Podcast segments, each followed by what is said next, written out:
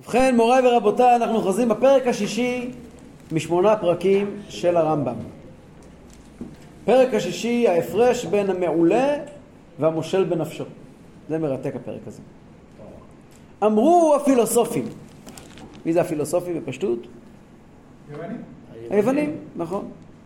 שהמושל בנפשו, אף על פי שיעשה המעשים המעולים, הרי הוא עושה הטובות והוא מתאווה למעשה הרעות ומשתוקק להם. והוא נפתל עם מצרו ומתנגד במעשהו, כבר אסביר, למה שיעירו אליו כוחו ותאוותו ותכונת נפשו. והוא עושה הטובות והוא מצטער בעשייתן, ואני אסביר. הם ציירו אב טיפוס שנקרא המושל בנפשו. המושל בנפשו הוא אדם שיש לו סכסוך פנימי עם עצמו.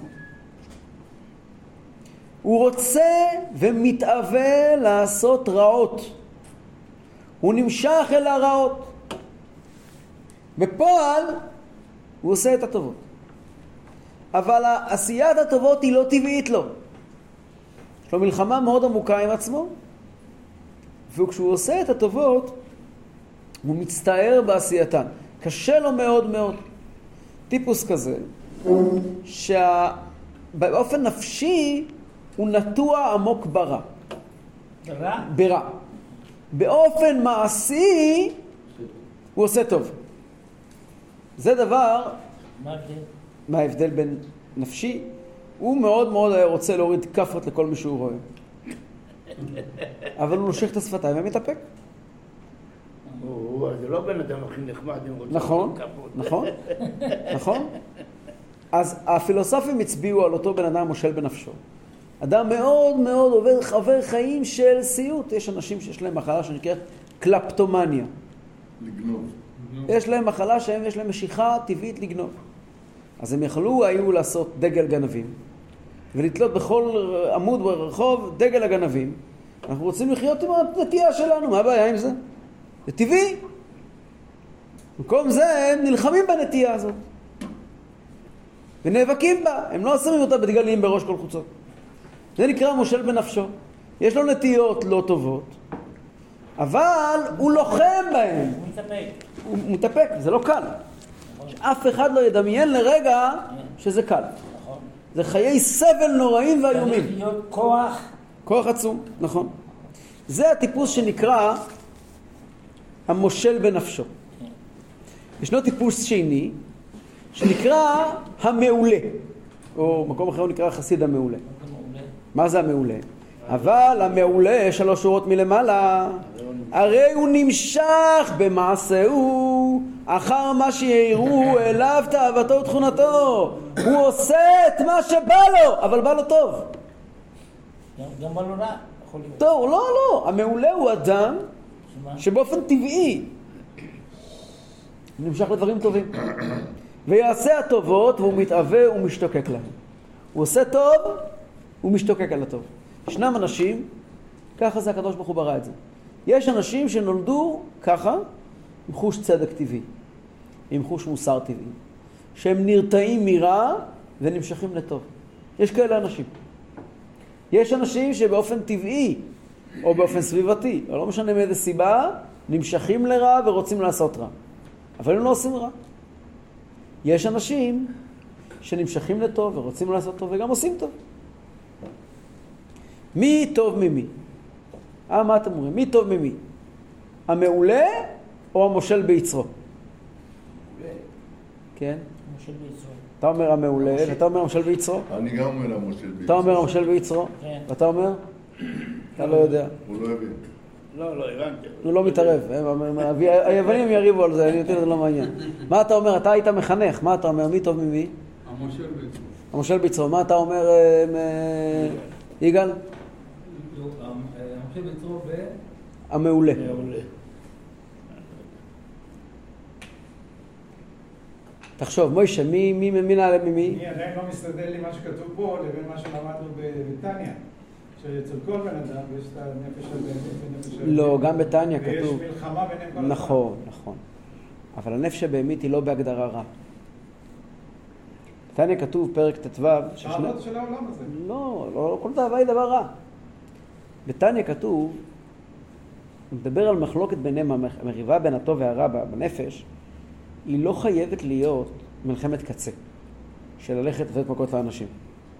יכולה להיות על לישון עוד חמש דקות, זה לא חייב להיות על, על, על עניינים מאוד מהותיים. תניא עצמו כתוב בפרק ט"ו, שישנו אדם שנקרא הבינוני המצונן בטבעו. שזה אדם שבאופן טבעי, טבעי, אין לו משיכה לרע, והוא נמשך לטוב. הוא עדיין נקרא בינוני. הוא נקרא בינוני בהסתייגות, בינוני המצונן בטבעו. כלומר, הוא לא הגיע לזה בעקבות איזושהי... בינוני, פקטו בינוני, אבל מה לעשות, בן אדם בפועל... יש בו רע. יש בו רע, כן, אבל... אבל, הלוואי שאנחנו היינו יכולים להיות בינוניים. אבל הוא טבעי, וטבעי לא. הוא נקרא בינוני המצונן בטבעו. השאלה היא, מי גדול ממי? המעולה, במעשה הטובות, המעולה במעשה הטובות. שניהם עושים, שניהם עושים טובות. גם המעולה עושה טוב, וגם המושל עושה טוב. כן. ההבדל הוא מה קורה בלב. המושל בטבעו, המושל ברוחו, נמשך מאוד להפך הטוב. ל... להפך הטוב. לרע. אבל הוא עושה טוב. המעולה נמשך אל הטוב ועושה טוב. מי גדול ממי? המעולה, ברור. ברור שהמעולה. אתה אמרת ברור שהמושל ביצרו, גם אתה אמרת. למה אתה אומר שברור שהמעולה? קודם כל לא נמשך. לרע. ושנית, הוא הוא מעולה במעשים טובים. מה יותר טוב מזה? השאלה גם מה זה טוב. טוב לעצמו, טוב לסביבה, טוב הוא. במעשים. אתה מתחיל לגעת בדברים, אתה מתחיל לגעת בפתרון של הרמב"ם. המעולה במעשה הטובות, הוא אומר. כן. אתה אומר, למה אתה, למה אתה אומר שהמושל יותר טוב? אה, בגלל שהוא רוצה להימשך לרע, אבל הוא מושל בעצמו. הוא מתאפק. הוא מתאפק. הוא- נו. הוא אבל עדיין הוא לא שלם עם הוא המעשים עוצר את שלו. עצמו. נכון? בואו נראה מה אמרו היוונים. כן. ובהסכמה מן הפילוסופים, שהמעולה יותר טוב ויותר שלם מן המושל בנפשו. למה? למה? אבל אמרו, אפשר שיעמוד המושל בנפשו במקום שהמעולה עומד בהרבה מן הדברים, ומדרגתו פחותה בהכרח, להיותו מתאווה לפועל הרע, ואף על פי שלא יפעלהו, אבל תשוקתו לא היא תכונה רעה בנפש, אומרים הפילוסופים, יש לנו בעיה עם המושל בנפשו. מה הבעיה שיש עם המושל בנפשו? זו דוגמה נורא פשוטה. קודם אמרתי, יש לו חשק לתת כאפות לכל השכונה. כן? בסדר, זה לא בסדר. אבל הוא לא נותן. זה, ש... היה מתחשק לו. זה נכון שהוא לא נותן. הוא לא רוצה לתת. זה נכון שהוא לא נותן. זה נכון שהוא לא אני נותן. רוצה ביום שבת ללכת. אתה לא יכול, אמרו הפילוסופים רעיון, הזמן. אמרו הפילוסופים רעיון מאוד מאוד מאוד עמוק ומאוד נכון, לכאורה. הרמב"ם לא יסכים איתם, אבל רעיון מאוד נכון לכאורה. אל תמדוד אנשים לפי מעשים. מעשים זה לא הדרך למדוד אנשים. למה אתה לוקח? חבל, שים לא, בוא, תשב, רואה- תשב, אתה את מפריע. אז מה?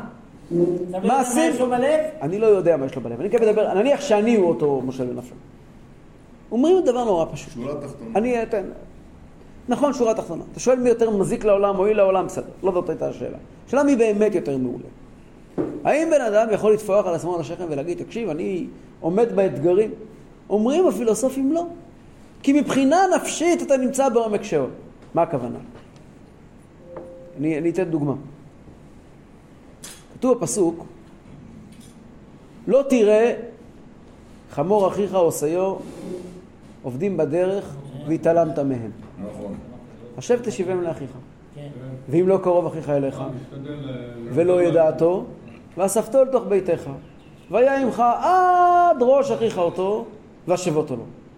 וכן תעשה לחמורו, וכן תעשה לשמלתו, וכן תעשה לכל עבודת אחיך שתאכל ממנו מצתה, תאבד ממנו מצתה, לא תוכל להתעלם. אומר האלשיך, אומר אלשיך ככה, אני רואה, אתה גם אוהב את האלשיך, גם הרב שלנו, הרב דיין, מצטט אותו הרבה. אומר אלשיך ככה, בהתחלה כתוב לא תראה את עוד נידחים והתעלמת מהם, מסתיים אומר לא תוכל להתעלם. לא תוכל להתעלם. מה, מה קורה פה? הוא אומר, בן אדם חי. בעולם הזה, תקשיב, תקשיב, תקשיב, תקשיב רעיון. אני הולך, הולך ברחוב, אני רואה את, חמור, את, את חמור אחיך או את שורו, את, כן, נידחים. קורס, קורס. מה בא לי לעשות? ללכת הביתה. כן, מתחשק לך להתחיל להרים חמורים ברחוב? עזוב אותי, תן לי את החיים שלי. אתה מרחם עליו, לא, לא, לא. אתה מרחם עליו. אתה מרחם עליו, אתה מרחם עליו, אני לא. לא, מבחינה לא אנושית. אנושות. אתה מרחם עליו, מבחינה אנושית, לא... אתה, זהו, אתה מרחם עליו, אני לא. לא אומרת לך התורה, לא תראה חמור אחיך או שורו נידחים בדרך והתעלמת מהם. אני יודע שאתה רוצה להתעלם. אני יודע שבא לך להתעלם, אבל אל תתעלם. תתגבר. או. יפה. הלאה, הלאה. חמור שונא אחד. אלא, רגע, והשבה אותו לו. ואם לא קרוב אחיך אליך, קח את זה אליך הביתה. אוי אוי אוי אוי אוי, מי רוצה לקחת הביתה חמור של מישהו אחר? תעשה את זה, ותעשה חמורו בשמלתו. יכול להתגרש אתה יודע מה שיקרה בסוף? הוא יבוא ייקח. אם אתה תחיה בצורה כזאת, לא תוכל להתעלם. בהמשך אתה תהפוך לבן אדם רגיש. גם הרבה, החינוך כותב את זה בכמה מקומות, שמצוות אה, פריקה וטעינה, ומצווה... זה לא אומר. החינוך, אומר החינוך, אומר החינוך, כן. המטרה של המצוות האלה היא לשנות לך את הראש, לשנות לך את הלב, לא רק את המעשים. זה לא הפירוש שהתורה מגיעה ואומרת, תקשיב, כמו שהזכרת מקודם, באמת אה, מצווה בשונא, כי תראה אה, שור אה, שונאך, חמור שונאך רובץ בדרך, אומר הרמב"ם דווקא שונאך, עזוב תעזוב. דווקא שונאך, למה? מצווה. בשונא. למה? כדי לחוף יצרו הרע. זאת אומרת, אם אתה תעשה עם עצמך עבודה, אתה תשתנה. אם אתה רואה בן אדם בוסר, שבא לו, אין לו כבוד לרכוש של מישהו אחר, לכסף של מישהו אחר, אבל הוא מתנהג על פי החוק. אתה לא יכול לשבח אותו. נכון שהוא בפועל מתנהג על פי החוק, אבל מבחינה נפשית הוא לא שם, ואנחנו כן רוצים שהוא יהיה שם.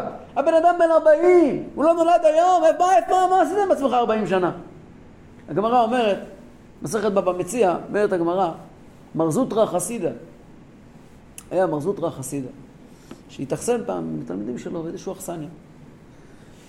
במהלך השבת, שהם היו שם, נגנב אה, גביע הכסף מהבעל הבית. מה עושים? איפה, איך נמצא את הגנב? פתאום הלכו ליטול ידיים, ומרזות חסיד, חסיד רואה את אחד התלמידים מנגב את הידיים בגלימה של מישהו. עומדים שם, תלוי שם הסוודרים, הוא ניגש לאחד הסוודרים ומנגב. כן, במקום הגברת. למה? תפס אותו מרזות ואומר, אתה הגנב. גנב? אתה הגנב, אתה גנב כן, את כי הכוס כסף. לו זה, אין לו התייחסות לדברים של מישהו. עכשיו. איזה הלכה אותו בן אדם שניגב ידיים בבגד של החבר שלו, על איזה סעיף הוא עבר? אה, הוא לא עבר על אף סעיף. על אף סעיף? על אף סעיף. הוא ניגב ידיים בחליפה של מישהו אחר, הוא לא הרס את החליפה. לא עוון. זה לא עוון. אבל אומר הרב זוטרא, אתה. הגנב, אתה הגנב. אתה מונח בכאלה מקומות שאתה גם מסוגל לגנוב כוס. זאת אומרת, העובדה שאתה מושל בנפשך, העובדה שיש לך שליטה כלשהי על עצמך, היא עדיין לא אומרת כלום. לכן אומרים אותם פילוסופים, אומרים היוונים, אנחנו לא מאוד מחבבים את המושל בנפשו. העובדה שהוא מושל בנפשו, היא לא משכנעת אותנו. למה? נכון עכשיו אתה לא מזיק ואתה אפילו עושה טוב, אבל יש נתק בין המקום הנפשי שלך לבין ההתנהגות. לעשות טוב. לעשות טוב. וכל הרעיון אז אתה אדם רע שעושה טוב, אבל אתה אדם רע. כן? עכשיו, אומר, אומר, אומר, אומר, אומר הרמב"ם, מה, מה היהדות אומרת? וכבר אמר שלמה כיוצא בזה. שלמה המלך אומר דבר דומה, אמר, משלי כ"א, נפש רשע עיוותה רע. שלמה המלך לא אומר נפש רשע עשתה רע, מה הוא אומר נפש רשע? עיוותה רע, רצתה רע, יש לנו תאווה. כלומר, הבעיה שלנו עם הרשע זה לא בגלל מה שהוא עושה, אלא בגלל מה שהוא רוצה לעשות. למדנו. שהנפש, אומר, הנפש חולה, נכון? כן. מפה לכאורה מהפסוק הזה במשלי יוצא, שלפי מה אני הולך? לפי המעשים או לפי הלבבות? לבבות. לפי הלבבות. נכון. ועל דרך זה להפך, ואמר בשמחת המעולה במעשה הטובות והצטער מי שאינו מעולה בעשייתן. שלמה המלך מדבר על מי שכבר עשה טוב, ועל זה שעושה את הטוב מתוך שמחה, וזה שעושה את הטוב מתוך כפייה, ואמר, זה המאמר, שמחה לצדיק עשות משפט, הוא מחתה לפועלי אבן. כלומר, הצדיק שמח שהוא עושה משפט, שהוא עושה נכון, והפועלי אבן עושה נכון, אבל מחתה, רע לו. רע לו עם זה. זאת אומרת, שלמה המלך מגיע ואומר, אם אתה רוצה לדעת מי צדיק מי רשע, אל תסתכל רק על המעשים. תסתכל גם על הלבבות. זאת אומרת, לא נוגע רק העובדה שאתה עושה טוב, חשוב לי גם... אבל סליחה, מה זה להסתכל על הלבבות? מי מי יודע נכון, להסתכל על הלבבות? נכון. אתה המעשים, יודע על עצמך. על המעשים אתה. אתה לא אמור לשפוט... מה יש לו בלב? איך אתה יכול לדעת? אתם לגמרי צודקים, אין אדם יודע מה שבלב... אין אדם יודע מה שבלב חברו, אתם צודקים. אני לא מדבר אבל על לב חברו? אני מדבר על הלב שלי. כשאני רואה שאני נמשך, כשאני רואה שיש לי מאבק עם עצמי לעשות דבר טוב, האם אני צריך לבוא ולומר, תשמע, עשיתי טוב, או אני מגיע ולומר, תשמע, אבל, אבל אני לא שם, וצריך עוד, כואב לי שאני לא שם, ולעשות פעולות להפוך את עצמי להיות שם. אבל עשיתי טוב. זה בדיוק מה שאומר הרמב"ם. אז אני מרוצה מזה. אומר הרמב"ם, לכאורה מפה יוצא שאתה לא צריך להיות מרוצה מזה. למה? כי משמע. מדברי שלמה... נכון. אבל בשלמה המלך אנחנו רואים, לכאורה, אבל אנחנו נראה שלא כזה פיזי פשוט. זה בר ביצוע? פיזי זה ביצוע. זה לא בר ביצוע. אתה לא יכול להיות שם. אומר הרמב"ם, כן. הפילוסופים היוונים יש להם מסקנה ברורה. כל זמן שאתה לא נמצא בטוב באופן רגשי, אתה בבעיה. זאת אומרת, התורה, לכאורה, עוד רגע יהיו פסוקים הפוכים, לכאורה התורה אומרת גם ככה. התורה מדברת באופן מאוד מאוד רציני ומאוד מאוד מכבד את מי ששמח בעשייתו, ומזלזלת וכועסת על מי שעצוב לו בעשייתו, קשה לו בעשייתו. יותר מזה, יותר מזה, כתוב בפסוק נפש רשע יבטא רע, על מה הוא נקרא רשע? לא שהוא עשה רע, אלא שהוא רצה רע. הרי זה מתאים, הרי זה מה שיראה מדברי התורה, המתאים למה שזכרו הפילוסופים. אם ככה יוצא שמה שאומרים חכמינו דומה לדברי הפילוסופים, נכון? אומר הרמב"ם, זה בכלל, בכלל, לא, בכלל לא נכון.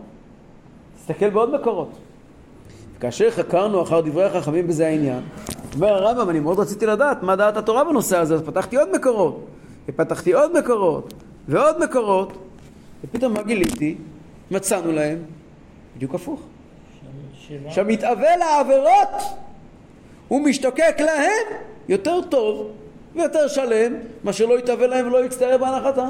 רואים בחז"ל שמי שמתאבל לעבירות הוא יותר טוב. עכשיו נהיה ההפך. לכאורה ההפך. נו, מה? הוא שואל? עד שאמרו שכל מה שיהיה האדם יותר טוב, יותר שלם, יהיו תשוקתו לעבירות וצערו בהנחתם יותר חזקים. חז"ל אומרים ככל שבן אדם יותר גדול, ככה התשוקה שלו לחטא יותר גדולה.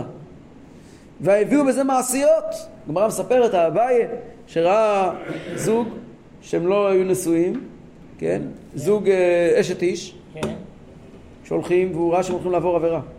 אז הוא הלך אחריהם, שלוש פרסאות, שלוש פרסאות, זה שלוש, שלושה קילומטר. הלך אחריהם, ראו אותו מאחוריהם, הם התאפקו. אחרי ששלושה קילומטר הם נפרדו והלכו כל אחד לדרכו. והרס להם את החגיגה. אביי חזר לבית המדרש ואמר, ספר לתלמידים מה שהיה. אמר להם, תדעו לכם, שאני ידעתי שאם זה היה אני במקומם הייתי הולך עשר פרסאות. אני לא הייתי מוותר. אמרו לו, איך יכול להיות, אתה לא היית מוותר? אומר, תדעו לכם, כל הגדול מחברו, יצרו גדול ממנו. יש לי יצר הרע יותר גדול משלהם. את אביי מגיע ואומר, משתבח בזה שיש לו יצר הרע גדול. זאת אומרת, שככל שאדם יותר גדול, יכול להיות שהמשיכה שלו לרע יותר גדולה. ואמרו, כל הגדול מחברו, יצרו גדול ממנו. לא די בזה, רוצה עוד מקורות, אומר הרמב"ם, יש לי עוד מקורות. אלא שאמרו כי שכר המושל בנפשו גדול כפי שיעור צערו במושלו בנפשו. חז"ל אמרו לנו שהשכר הוא לא לפי המעשים, אלא לפי מה? לפי הכאב, כמה קשה לך לעשות אותם. ואמרו לפום צערה אגרא, השכר הוא לפי הצער, לא לפי המעשה. זאת אומרת, אם מדברים בכיתה, יש ילד שמקבל ציון 100, וזה הולך לו בקלות. וילד שני מקבל 80 והוא התאמץ בשביל זה מאוד מאוד מאוד. למי שכר יותר גדול? ההוא של 80. אז זאת אומרת שלפי מה הולכים? לפי המאמץ, לפי הקושי. כן. הפוך ממה שאמרו הפילוסופים. נכון? נכון. ויתר על כן, שהם ציוו שיהיה האדם מושל בנפשו, והזהירו מלומר, אני בטבעי איני מתהווה לזאת העבירה, ואפילו לא אסרת התורה. והוא אומרם, רבן שמעון בן גמליאל אומר, לא יאמר אדם אי אפשי לאכול בשר, בשר בחלב, אי אפשי לבוא, ללבוש שעטנז, אי אפשי לבוא לערבה, אלא אפשי. ומה אעשה שאבי שבשמיים גזר עליי? חז"ל אומרים לנו, אל ת... חז"ל מדברים כל הזמן על העניין של להיות מושל בנפשו ואומרים לך, אל תבוא ותאמר, זה מגעיל לי, זה לא טוב לי על העבירות. תגיד, דווקא זה נחמד, והייתי אולי מאוד רוצה, אבל אסור? אבל אסור, אבל אסור. זאת אומרת, חז"ל מגיעים ואומרים, יש לאחרונה, מדברים הרבה, אני לא יודע אם שמעתם, זה, על כל מיני עבירות שהתורה אמרה עליהם דברים שאסור לעשות אותם, עבירות חמורות מאוד, שלאחרונה תולים אותם בראש כל חוצות והופכים אותם לדבר מאוד מאוד אה, אה, אה, מדובר, וכן, כתוב בגמרא, שאחת דור המבול היה, שהיו כותבים כתובה לאיש ואיש. איש ואיש. כן, כותבים כתובה לאיש, היו מחתנים איש ואיש, זה אחד דור? המבול. עכשיו, כן. יש כאלה רבנים שמגיעים ואומרים זה מגעיל, יש כאלה שאומרים זה לא טבעי, יש כאלה שאומרים זה לא נעים, אבל התורה לא אומרת ככה. אם התורה הייתה חושבת שזה מגעיל ולא טבעי, למה התורה? היא לא הייתה אוסרת את זה. אסור לשכב זכר. התורה, אסור, לא. אסור, נכון? נכון? אבל זה לא אומר שזה לא טבעי? זה לא אומר שזה לא טבעי. התורה מגיעה, כשהתורה מגיעה ואומרת לנו מצווה, אומרת לנו שזה אסור, פירוש הדבר שזה קיים. זה שקיים, קיים. זה לא המצאה, זה קיים. נו. אם זה קיים, אז זה טבעי. כשהתורה מגיעה ואומרת לך על משהו שהוא אסור, אין הכוונה שהתורה מגיעה ואומרת לך, תשמע, ישנם כמה משוגעים שגרים לא יודע איפה, יש להם שיגעון. לא, התורה אומרת, קוראים ביום כיפור, בשעת מנחה, כל בתי האנשים בבית הכנסת, באווירה של תשובה, נעמדים וקוראים פרשת עריות, נכון? וקוראים את העניינים האלה. מה זה אומר? שזה לא נורמלי? זה אומר שזה סופר נורמלי. זה כתוב בתורה. אלא מה? שזה אסור. אז חז"ל לא מגיעים ואומרים בואו נגיד שזה לא נורמלי, בואו נ, בואו נעשה מזה צחוק. לא, אתה לא תעשה מזה צחוק. תבוא ותאמר זה טבעי, זה דבר שקיים, הגמרא מספרת שזה קיים, ובתורה כתוב שזה קיים, והתורה הגיעה ואמרה נכון שזה קיים, אבל זה אסור. אסור. זה נקרא מושל בנפשו. מושל בנפשו פירושו, הפילוסופים אומרים כל מה שלא נכון צריך להיות מופקע. התורה אומרת, יש דברים שהם אסורים, אבל הם הגיוניים, אבל התורה אסרה אותם. ומה אעשה? והאיש שבשמיים גזר עליי. זו תפיסת עולם אחרת לגמרי. אז מי יותר טוב ממי? החסיד המעולה או מושל בנפשו? אבל קודם ראינו מקורות שאומר שזה מעולה. איך, איך, איך מיישבים את הסתירה הזאת? הכל יתהפך. הכל מתהפך. אומר הרמב"ם, ישנו, קודם משה רמז לזה, ישנו איזשהו מפתח. מה המפתח? ולפי המובן מפשטי שני הדברים בתחילת המחשבה, אם אנחנו לא מעיינים יותר מדי, הרי שני המאמרים סותרים זה את זה, נכון? ואין הדבר כן, אלא שניהם אמת, כן. ואין ביניהם מחלוקת, או, כלל. בסוף, זה נמצא בסוף, בסוף, בסוף. וזה שהרעות אשר הן אצל הפילוסופים רעות, הן אשר אמרו שמי שלא יתהווה להם יותר טוב ממי שיתהווה להם וימשול בנפשו בהם. והם הדברים המפורסמים, אני כבר אסביר, אצל בני האדם כולם, שהם רעות כשפיכות דמים וגניבה וגזל והונאה והיזק למי שלא הרע וגמול רע למיטיב וזלזול הורים וכיוצא באלה והן המצוות אשר יאמרו עליהם, על- עליהם החכמים עליהם השלום דברים שאלמלא לא נכתבון ראויים היו לכותבם ויקראון קצת חכמינו האחרונים אשר חלו היום מדברים המצוות השכליות.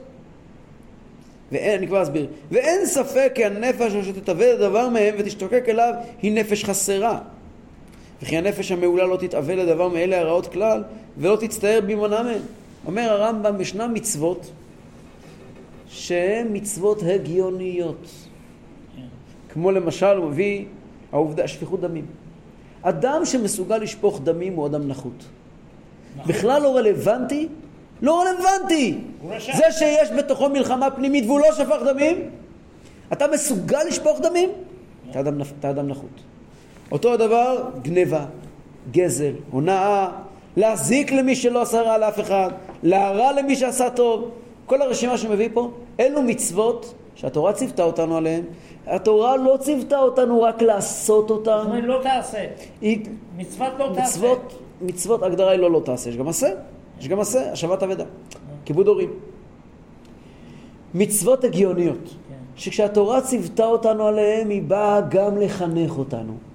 לא רק לומר לנו, התורה כשהיא דיברה עלינו מה לעשות, כמו שמדברים בפרקים הראשונים, שמונה פרקים, היא לא עוסקת רק בחלקים המעשיים של הנפש, אלא גם בחלקים הפנימיים של הנפש. כשהתורה מגיעה ואומרת לנו, העניין של כיבוד הורים במפורש בא לחנך אותנו, לא רק לומר לנו מה לעשות. אם בן אדם, כתוב בגמרא, ישנו המאכיל לאביו פסיוני, או פטומות, ויורש גיהנום. ויש המטחינו ברחיים ויורש גן עדן, כן אומרת הגמרא בקידושין. למה? אדם היה אחד שהיה, אבא שלו היה, היה חוק גיוס, וגם הוא וגם אבא שלו עמדו בחוק, והיה מכסה לכל משפחה. אז הוא אמר לאבא שלו, אתה תעבוד ברחיים של הבית, מה שאני תמיד הייתי עושה, ואני אלך לצבא. והוא הלך לצבא, ואבא שלו עבד ברחיים, זה יורש עולם הבא. והיה השני, שהיה אה, היה נותן לאבא שלו את האוכל הכי יקר והכי טוב שיש, וכך זקן תאכל. הוא יורש גיהנום. זאת אומרת, זה לא רק המעשים. זה לא רק המעשים. למה את גיהנום? כי לא אומרים לאבא, קח זקן תאכל. הוא הכיל אותו אוכל הכי טעים שיש. אה. אבל הוא זרק לו את זה, לך תאכל. אה, אה, תאכל כבר, שקט. כן, אומרת כן, הגמרא? כן, כן, כן. זאת אומרת, בכלל במצוות האלה לא נוגע, לא נוגע רק המעשה, התורה רוצה לחנך אותנו. ובמצוות האלה באמת נוגע גם המקום הנפשי. ועל זה כתוב בגמרא שיש מצוות שגם אם לא נכתבו בתורה, צריכים היינו לבד לעלות עליהן. מה שנקרא המוסר הטבעי. התורה מתייחסת לזה. אלמלא לנו ניתנה תורה אחת ושלום לישראל, היינו למדים צניעות מחתול, גזל מנמלה. יש כזה דבר שישנה הלכה מפורסמת של מי שאינו עומד בדיבורו. אם ישנו, הרמב"ן הרי כותב שיכול להיות מציאות של נבל ברשות התורה. מה זה נבל ברשות התורה? שהוא לא עבר על אף חוק, אבל הוא מנוול. נקרא נבל ברשות התורה. דוגמה לזה, מפורסמת ביותר, זה העניין של מי שפרה, מי שאינו עומד בדיבורו. מה זה מי שאינו עומד בדיבורו? לצורך העניין, אה, דני, כידוע, הוא יצרן של... אה, מה אתה מייצר? מה? מה אתה מייצר? שום דבר. שום דבר. דני הוא מייצר אסלות. אסלות? אסלות, כן. מייצר אסלות. אני מרים אליו טלפון, דני, תקשיב, אני רוצה לעשות הזמנה של 200 אסלות. דני מתקשר אליי בלילה ואומר לי, תקשיב, מוכן לך. כבר נמצא ארוז בחוץ, מוכן לך. תעביר לי בבקשה תשלום, אתה יכול לקחת את זה. הוא אומר, היי, התחרטתי. דני מסכן, עבד כל היום. כבר הכין. כבר הכין. כן. האם אני חייב לקחת את זה? כן, לא. אה, כן, אין אף חוק שלך כן. מחייב אותי לקחת את זה. כן, לא. כן. אתה אני- עשית את העסקה. איזה עשיתי עסקה? חתמתי על משהו? לא משנה, הוא הכין הרמתי, כבר. עשיתי קניין? שום דבר. זה שהוא הכין לא מעניין אותי. אבל. הכין לך. נו, החוק מחייב אותי לקחת את זה? בפעם הבאה? לא יעשו לך את זה. נכון, אבל החוק, מחייב אותי לקחת את זה? כן. החוק לא. מה זה לא? לא. לא, לא חייב. מה אם? הוא לא עשה קניין, לא, הוא לא חייב. אבל בפעם הבאה הוא לא יעשה לו. החוק לא מחייב אותי שום דבר. לא החוק, מה יעשה עם זה? שידפק. החוק, החוק, יש, החוק פה, זה יש... גורם להפסד. נכון, נו, נכון. אבל זה החוק. אה. גם החוק במדינת ישראל. כל חוק. בתורה. אף חוק בעולם לא מחייב אותו, לא- חוק אה, במדינת ישראל או בתורה, אדוני, 200 אף חוק, שקל. אף- זה יכול להיות אה, אלפי, מאות אלפי שקלים. אף נכון? חוק בעולם לא יכול לחייב אותי לקחת את זה. מציאות. כן, אבל לפעמים זה... זה לא חוק. יש דברים ש... אומר הרמב"ן, לא. אתה יכול להיות מנוול ברשות החוק. מה עושים לכזה בן אדם? הוא יכול לקחת אותי לבית הדין, להוציא. ספר תורה כן. ולהגיד קללה. מה הקללה? מי שפרה מדור המבול ומדור הפלגה וממצרים על הים, הוא ייפרע ממי שאינו עומד בדיבורו. כן. אוקיי. ככה, יש טקס מה יהיה? שנקרא מי שפרה. זהו. שואלים- שואלים למה? מזכירים את דור המבול, דור הפלגה ומצרים? מה עם כל היתר? אז אומרים, אלה לא היו מחויבים במצוות. אלא מה? לא היו מחויבים, לא היו מחויבים במצוות. אז מה הטענות כלפיהם? הטענה כלפיהם שהם לא הפעילו את הרגש הטבעי שלהם. הם לא הפעילו מוסר טבעי. יש דברים שהם לא תורה, הם מוסר טבעי. אז כמו שהקדוש ברוך הוא נפרע מדור המבול ודור הפלגה ומצרים על הים, למרות שהם לא עברו על החוק, ולא עשו עוון? לא עשו עוון, אה, כי אמור להיות להם גם שכל, אה? הוא ייפרע ממי שאינו עומד בדיבורו. גם אתה לא עברת על אף חוק, אבל שכל מותר שיהיה לך. זה הנקודה. הנקודה היא, אומר הרמב"ם, יש דברים, לא צריכים שולחן ערוך בשביל זה. השולחן ערוך לא נועד השולחן ערוך לא נועד לתת לך גבולות גזרה. אז מה כן נועד? שולחן ערוך נועד לתת לך שני דברים. דבר אחד זה לקבוע את הגבולות, כי אחרת אתה לא יכול לקיים חברה.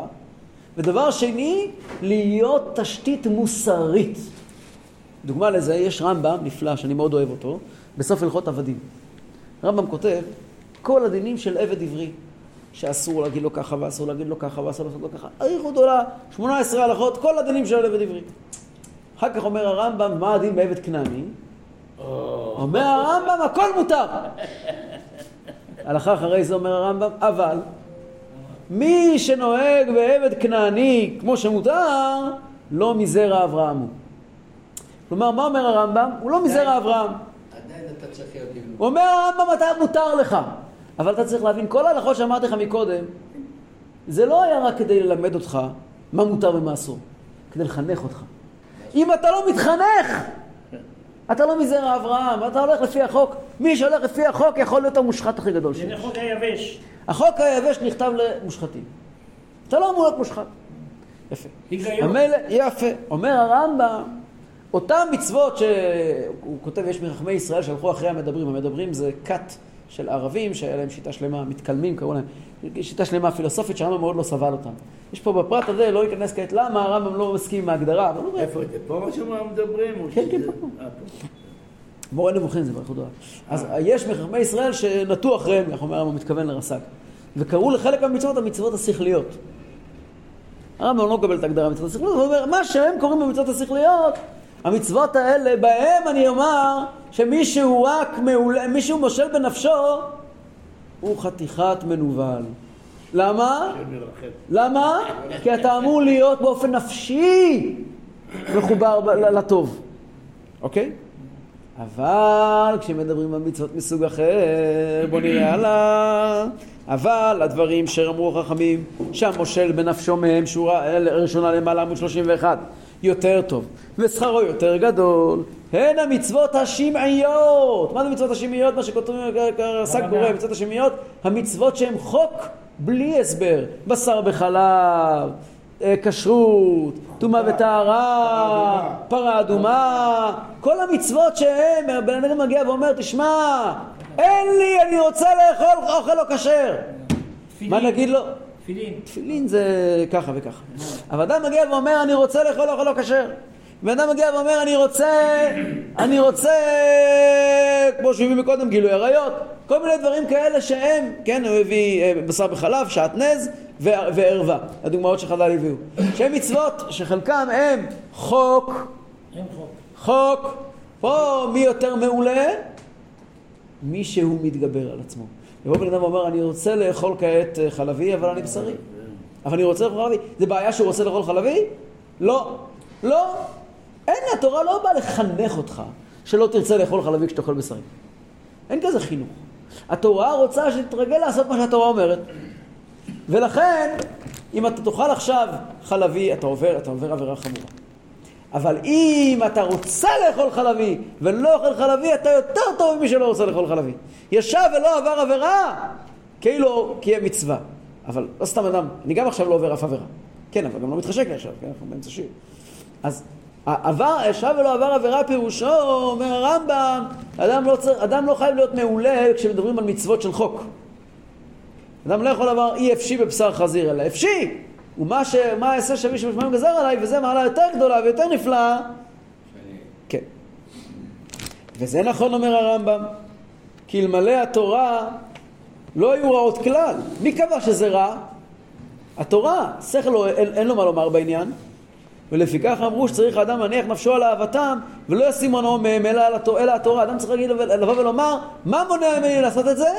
התורה, לא הרצון שלי. והתבונן, אומר הרמב"ם, בחוכמתם עליהם השלום במה המשילו. מה הדוגמה שהם אמרו? שהוא לא אמר, לא יאמר אדם אי אפשי להרוג את הנפש, אי אפשי לגנוב, אי אפשי לכזב, אלא אפשי ומה. הם לא אמרו שאדם יכול להגיד, כיף לי להרוג את הנפש, כיף לי אה, לגנוב או לשקר. לא, זה לא אמור להיות לך כיף. מה הם אמרו? הביא דברים כולם שמעיים, בשר בחלב, לבישת נז, ואריות. אלה המצוות וכיוצא בהם הם אשר יקראם השם חוקותיי. זה נקרא חוקים. וחוק שהשם מתגלה בהם, השם אומר לך מה לעשות, זה מה שהשם אומר, לא בגלל שמתחשק לך. איסור מהתורה, זה לא יפה. חוק. אמרו, נכון, חוקים שחקקתי לך, ואין לך רשות להרהר בהם, ואומות העולם משיבים עליהם, והשטן מקטרג עליהם, כגון פרה אדומה ושעיר המשתלח, ואותם אשר קראון האחרונים שכליות, יקראו מצוות, כמו שביארו חכמים. וכבר התבהר מכל מה שאמרנו, אילו עבירות יהיה מי שלא ישתוקק עליהם יותר טוב ממי שישתוקק עליהם וימשול בנפשו מהם, ואילו מהם יהיה הדבר בהם להפך. כעת הבנת איזה מצוות אדם יכול, צריך להשתוקק עליהם, ומי הוא משתוקק עליהם הוא יותר טוב, ואיזה מצוות אדם לא צריך להשתוקק עליהם. ואדרבה, המלחמה פה היא יותר טובה. וזה חידוש נפלא והשלמה מופלאה בין שני המאמרים, זה מחבר את כל דברי חז"ל ביחד. לשון שני המאמרים מורה על כאמיתת מה שביארנו, וכבר נשלמה כוונת זה הפרק. מהרמב"ם הבנו מה רציתי ללמד אתכם בפרק הזה, בפרק השישי. זהו. תודה.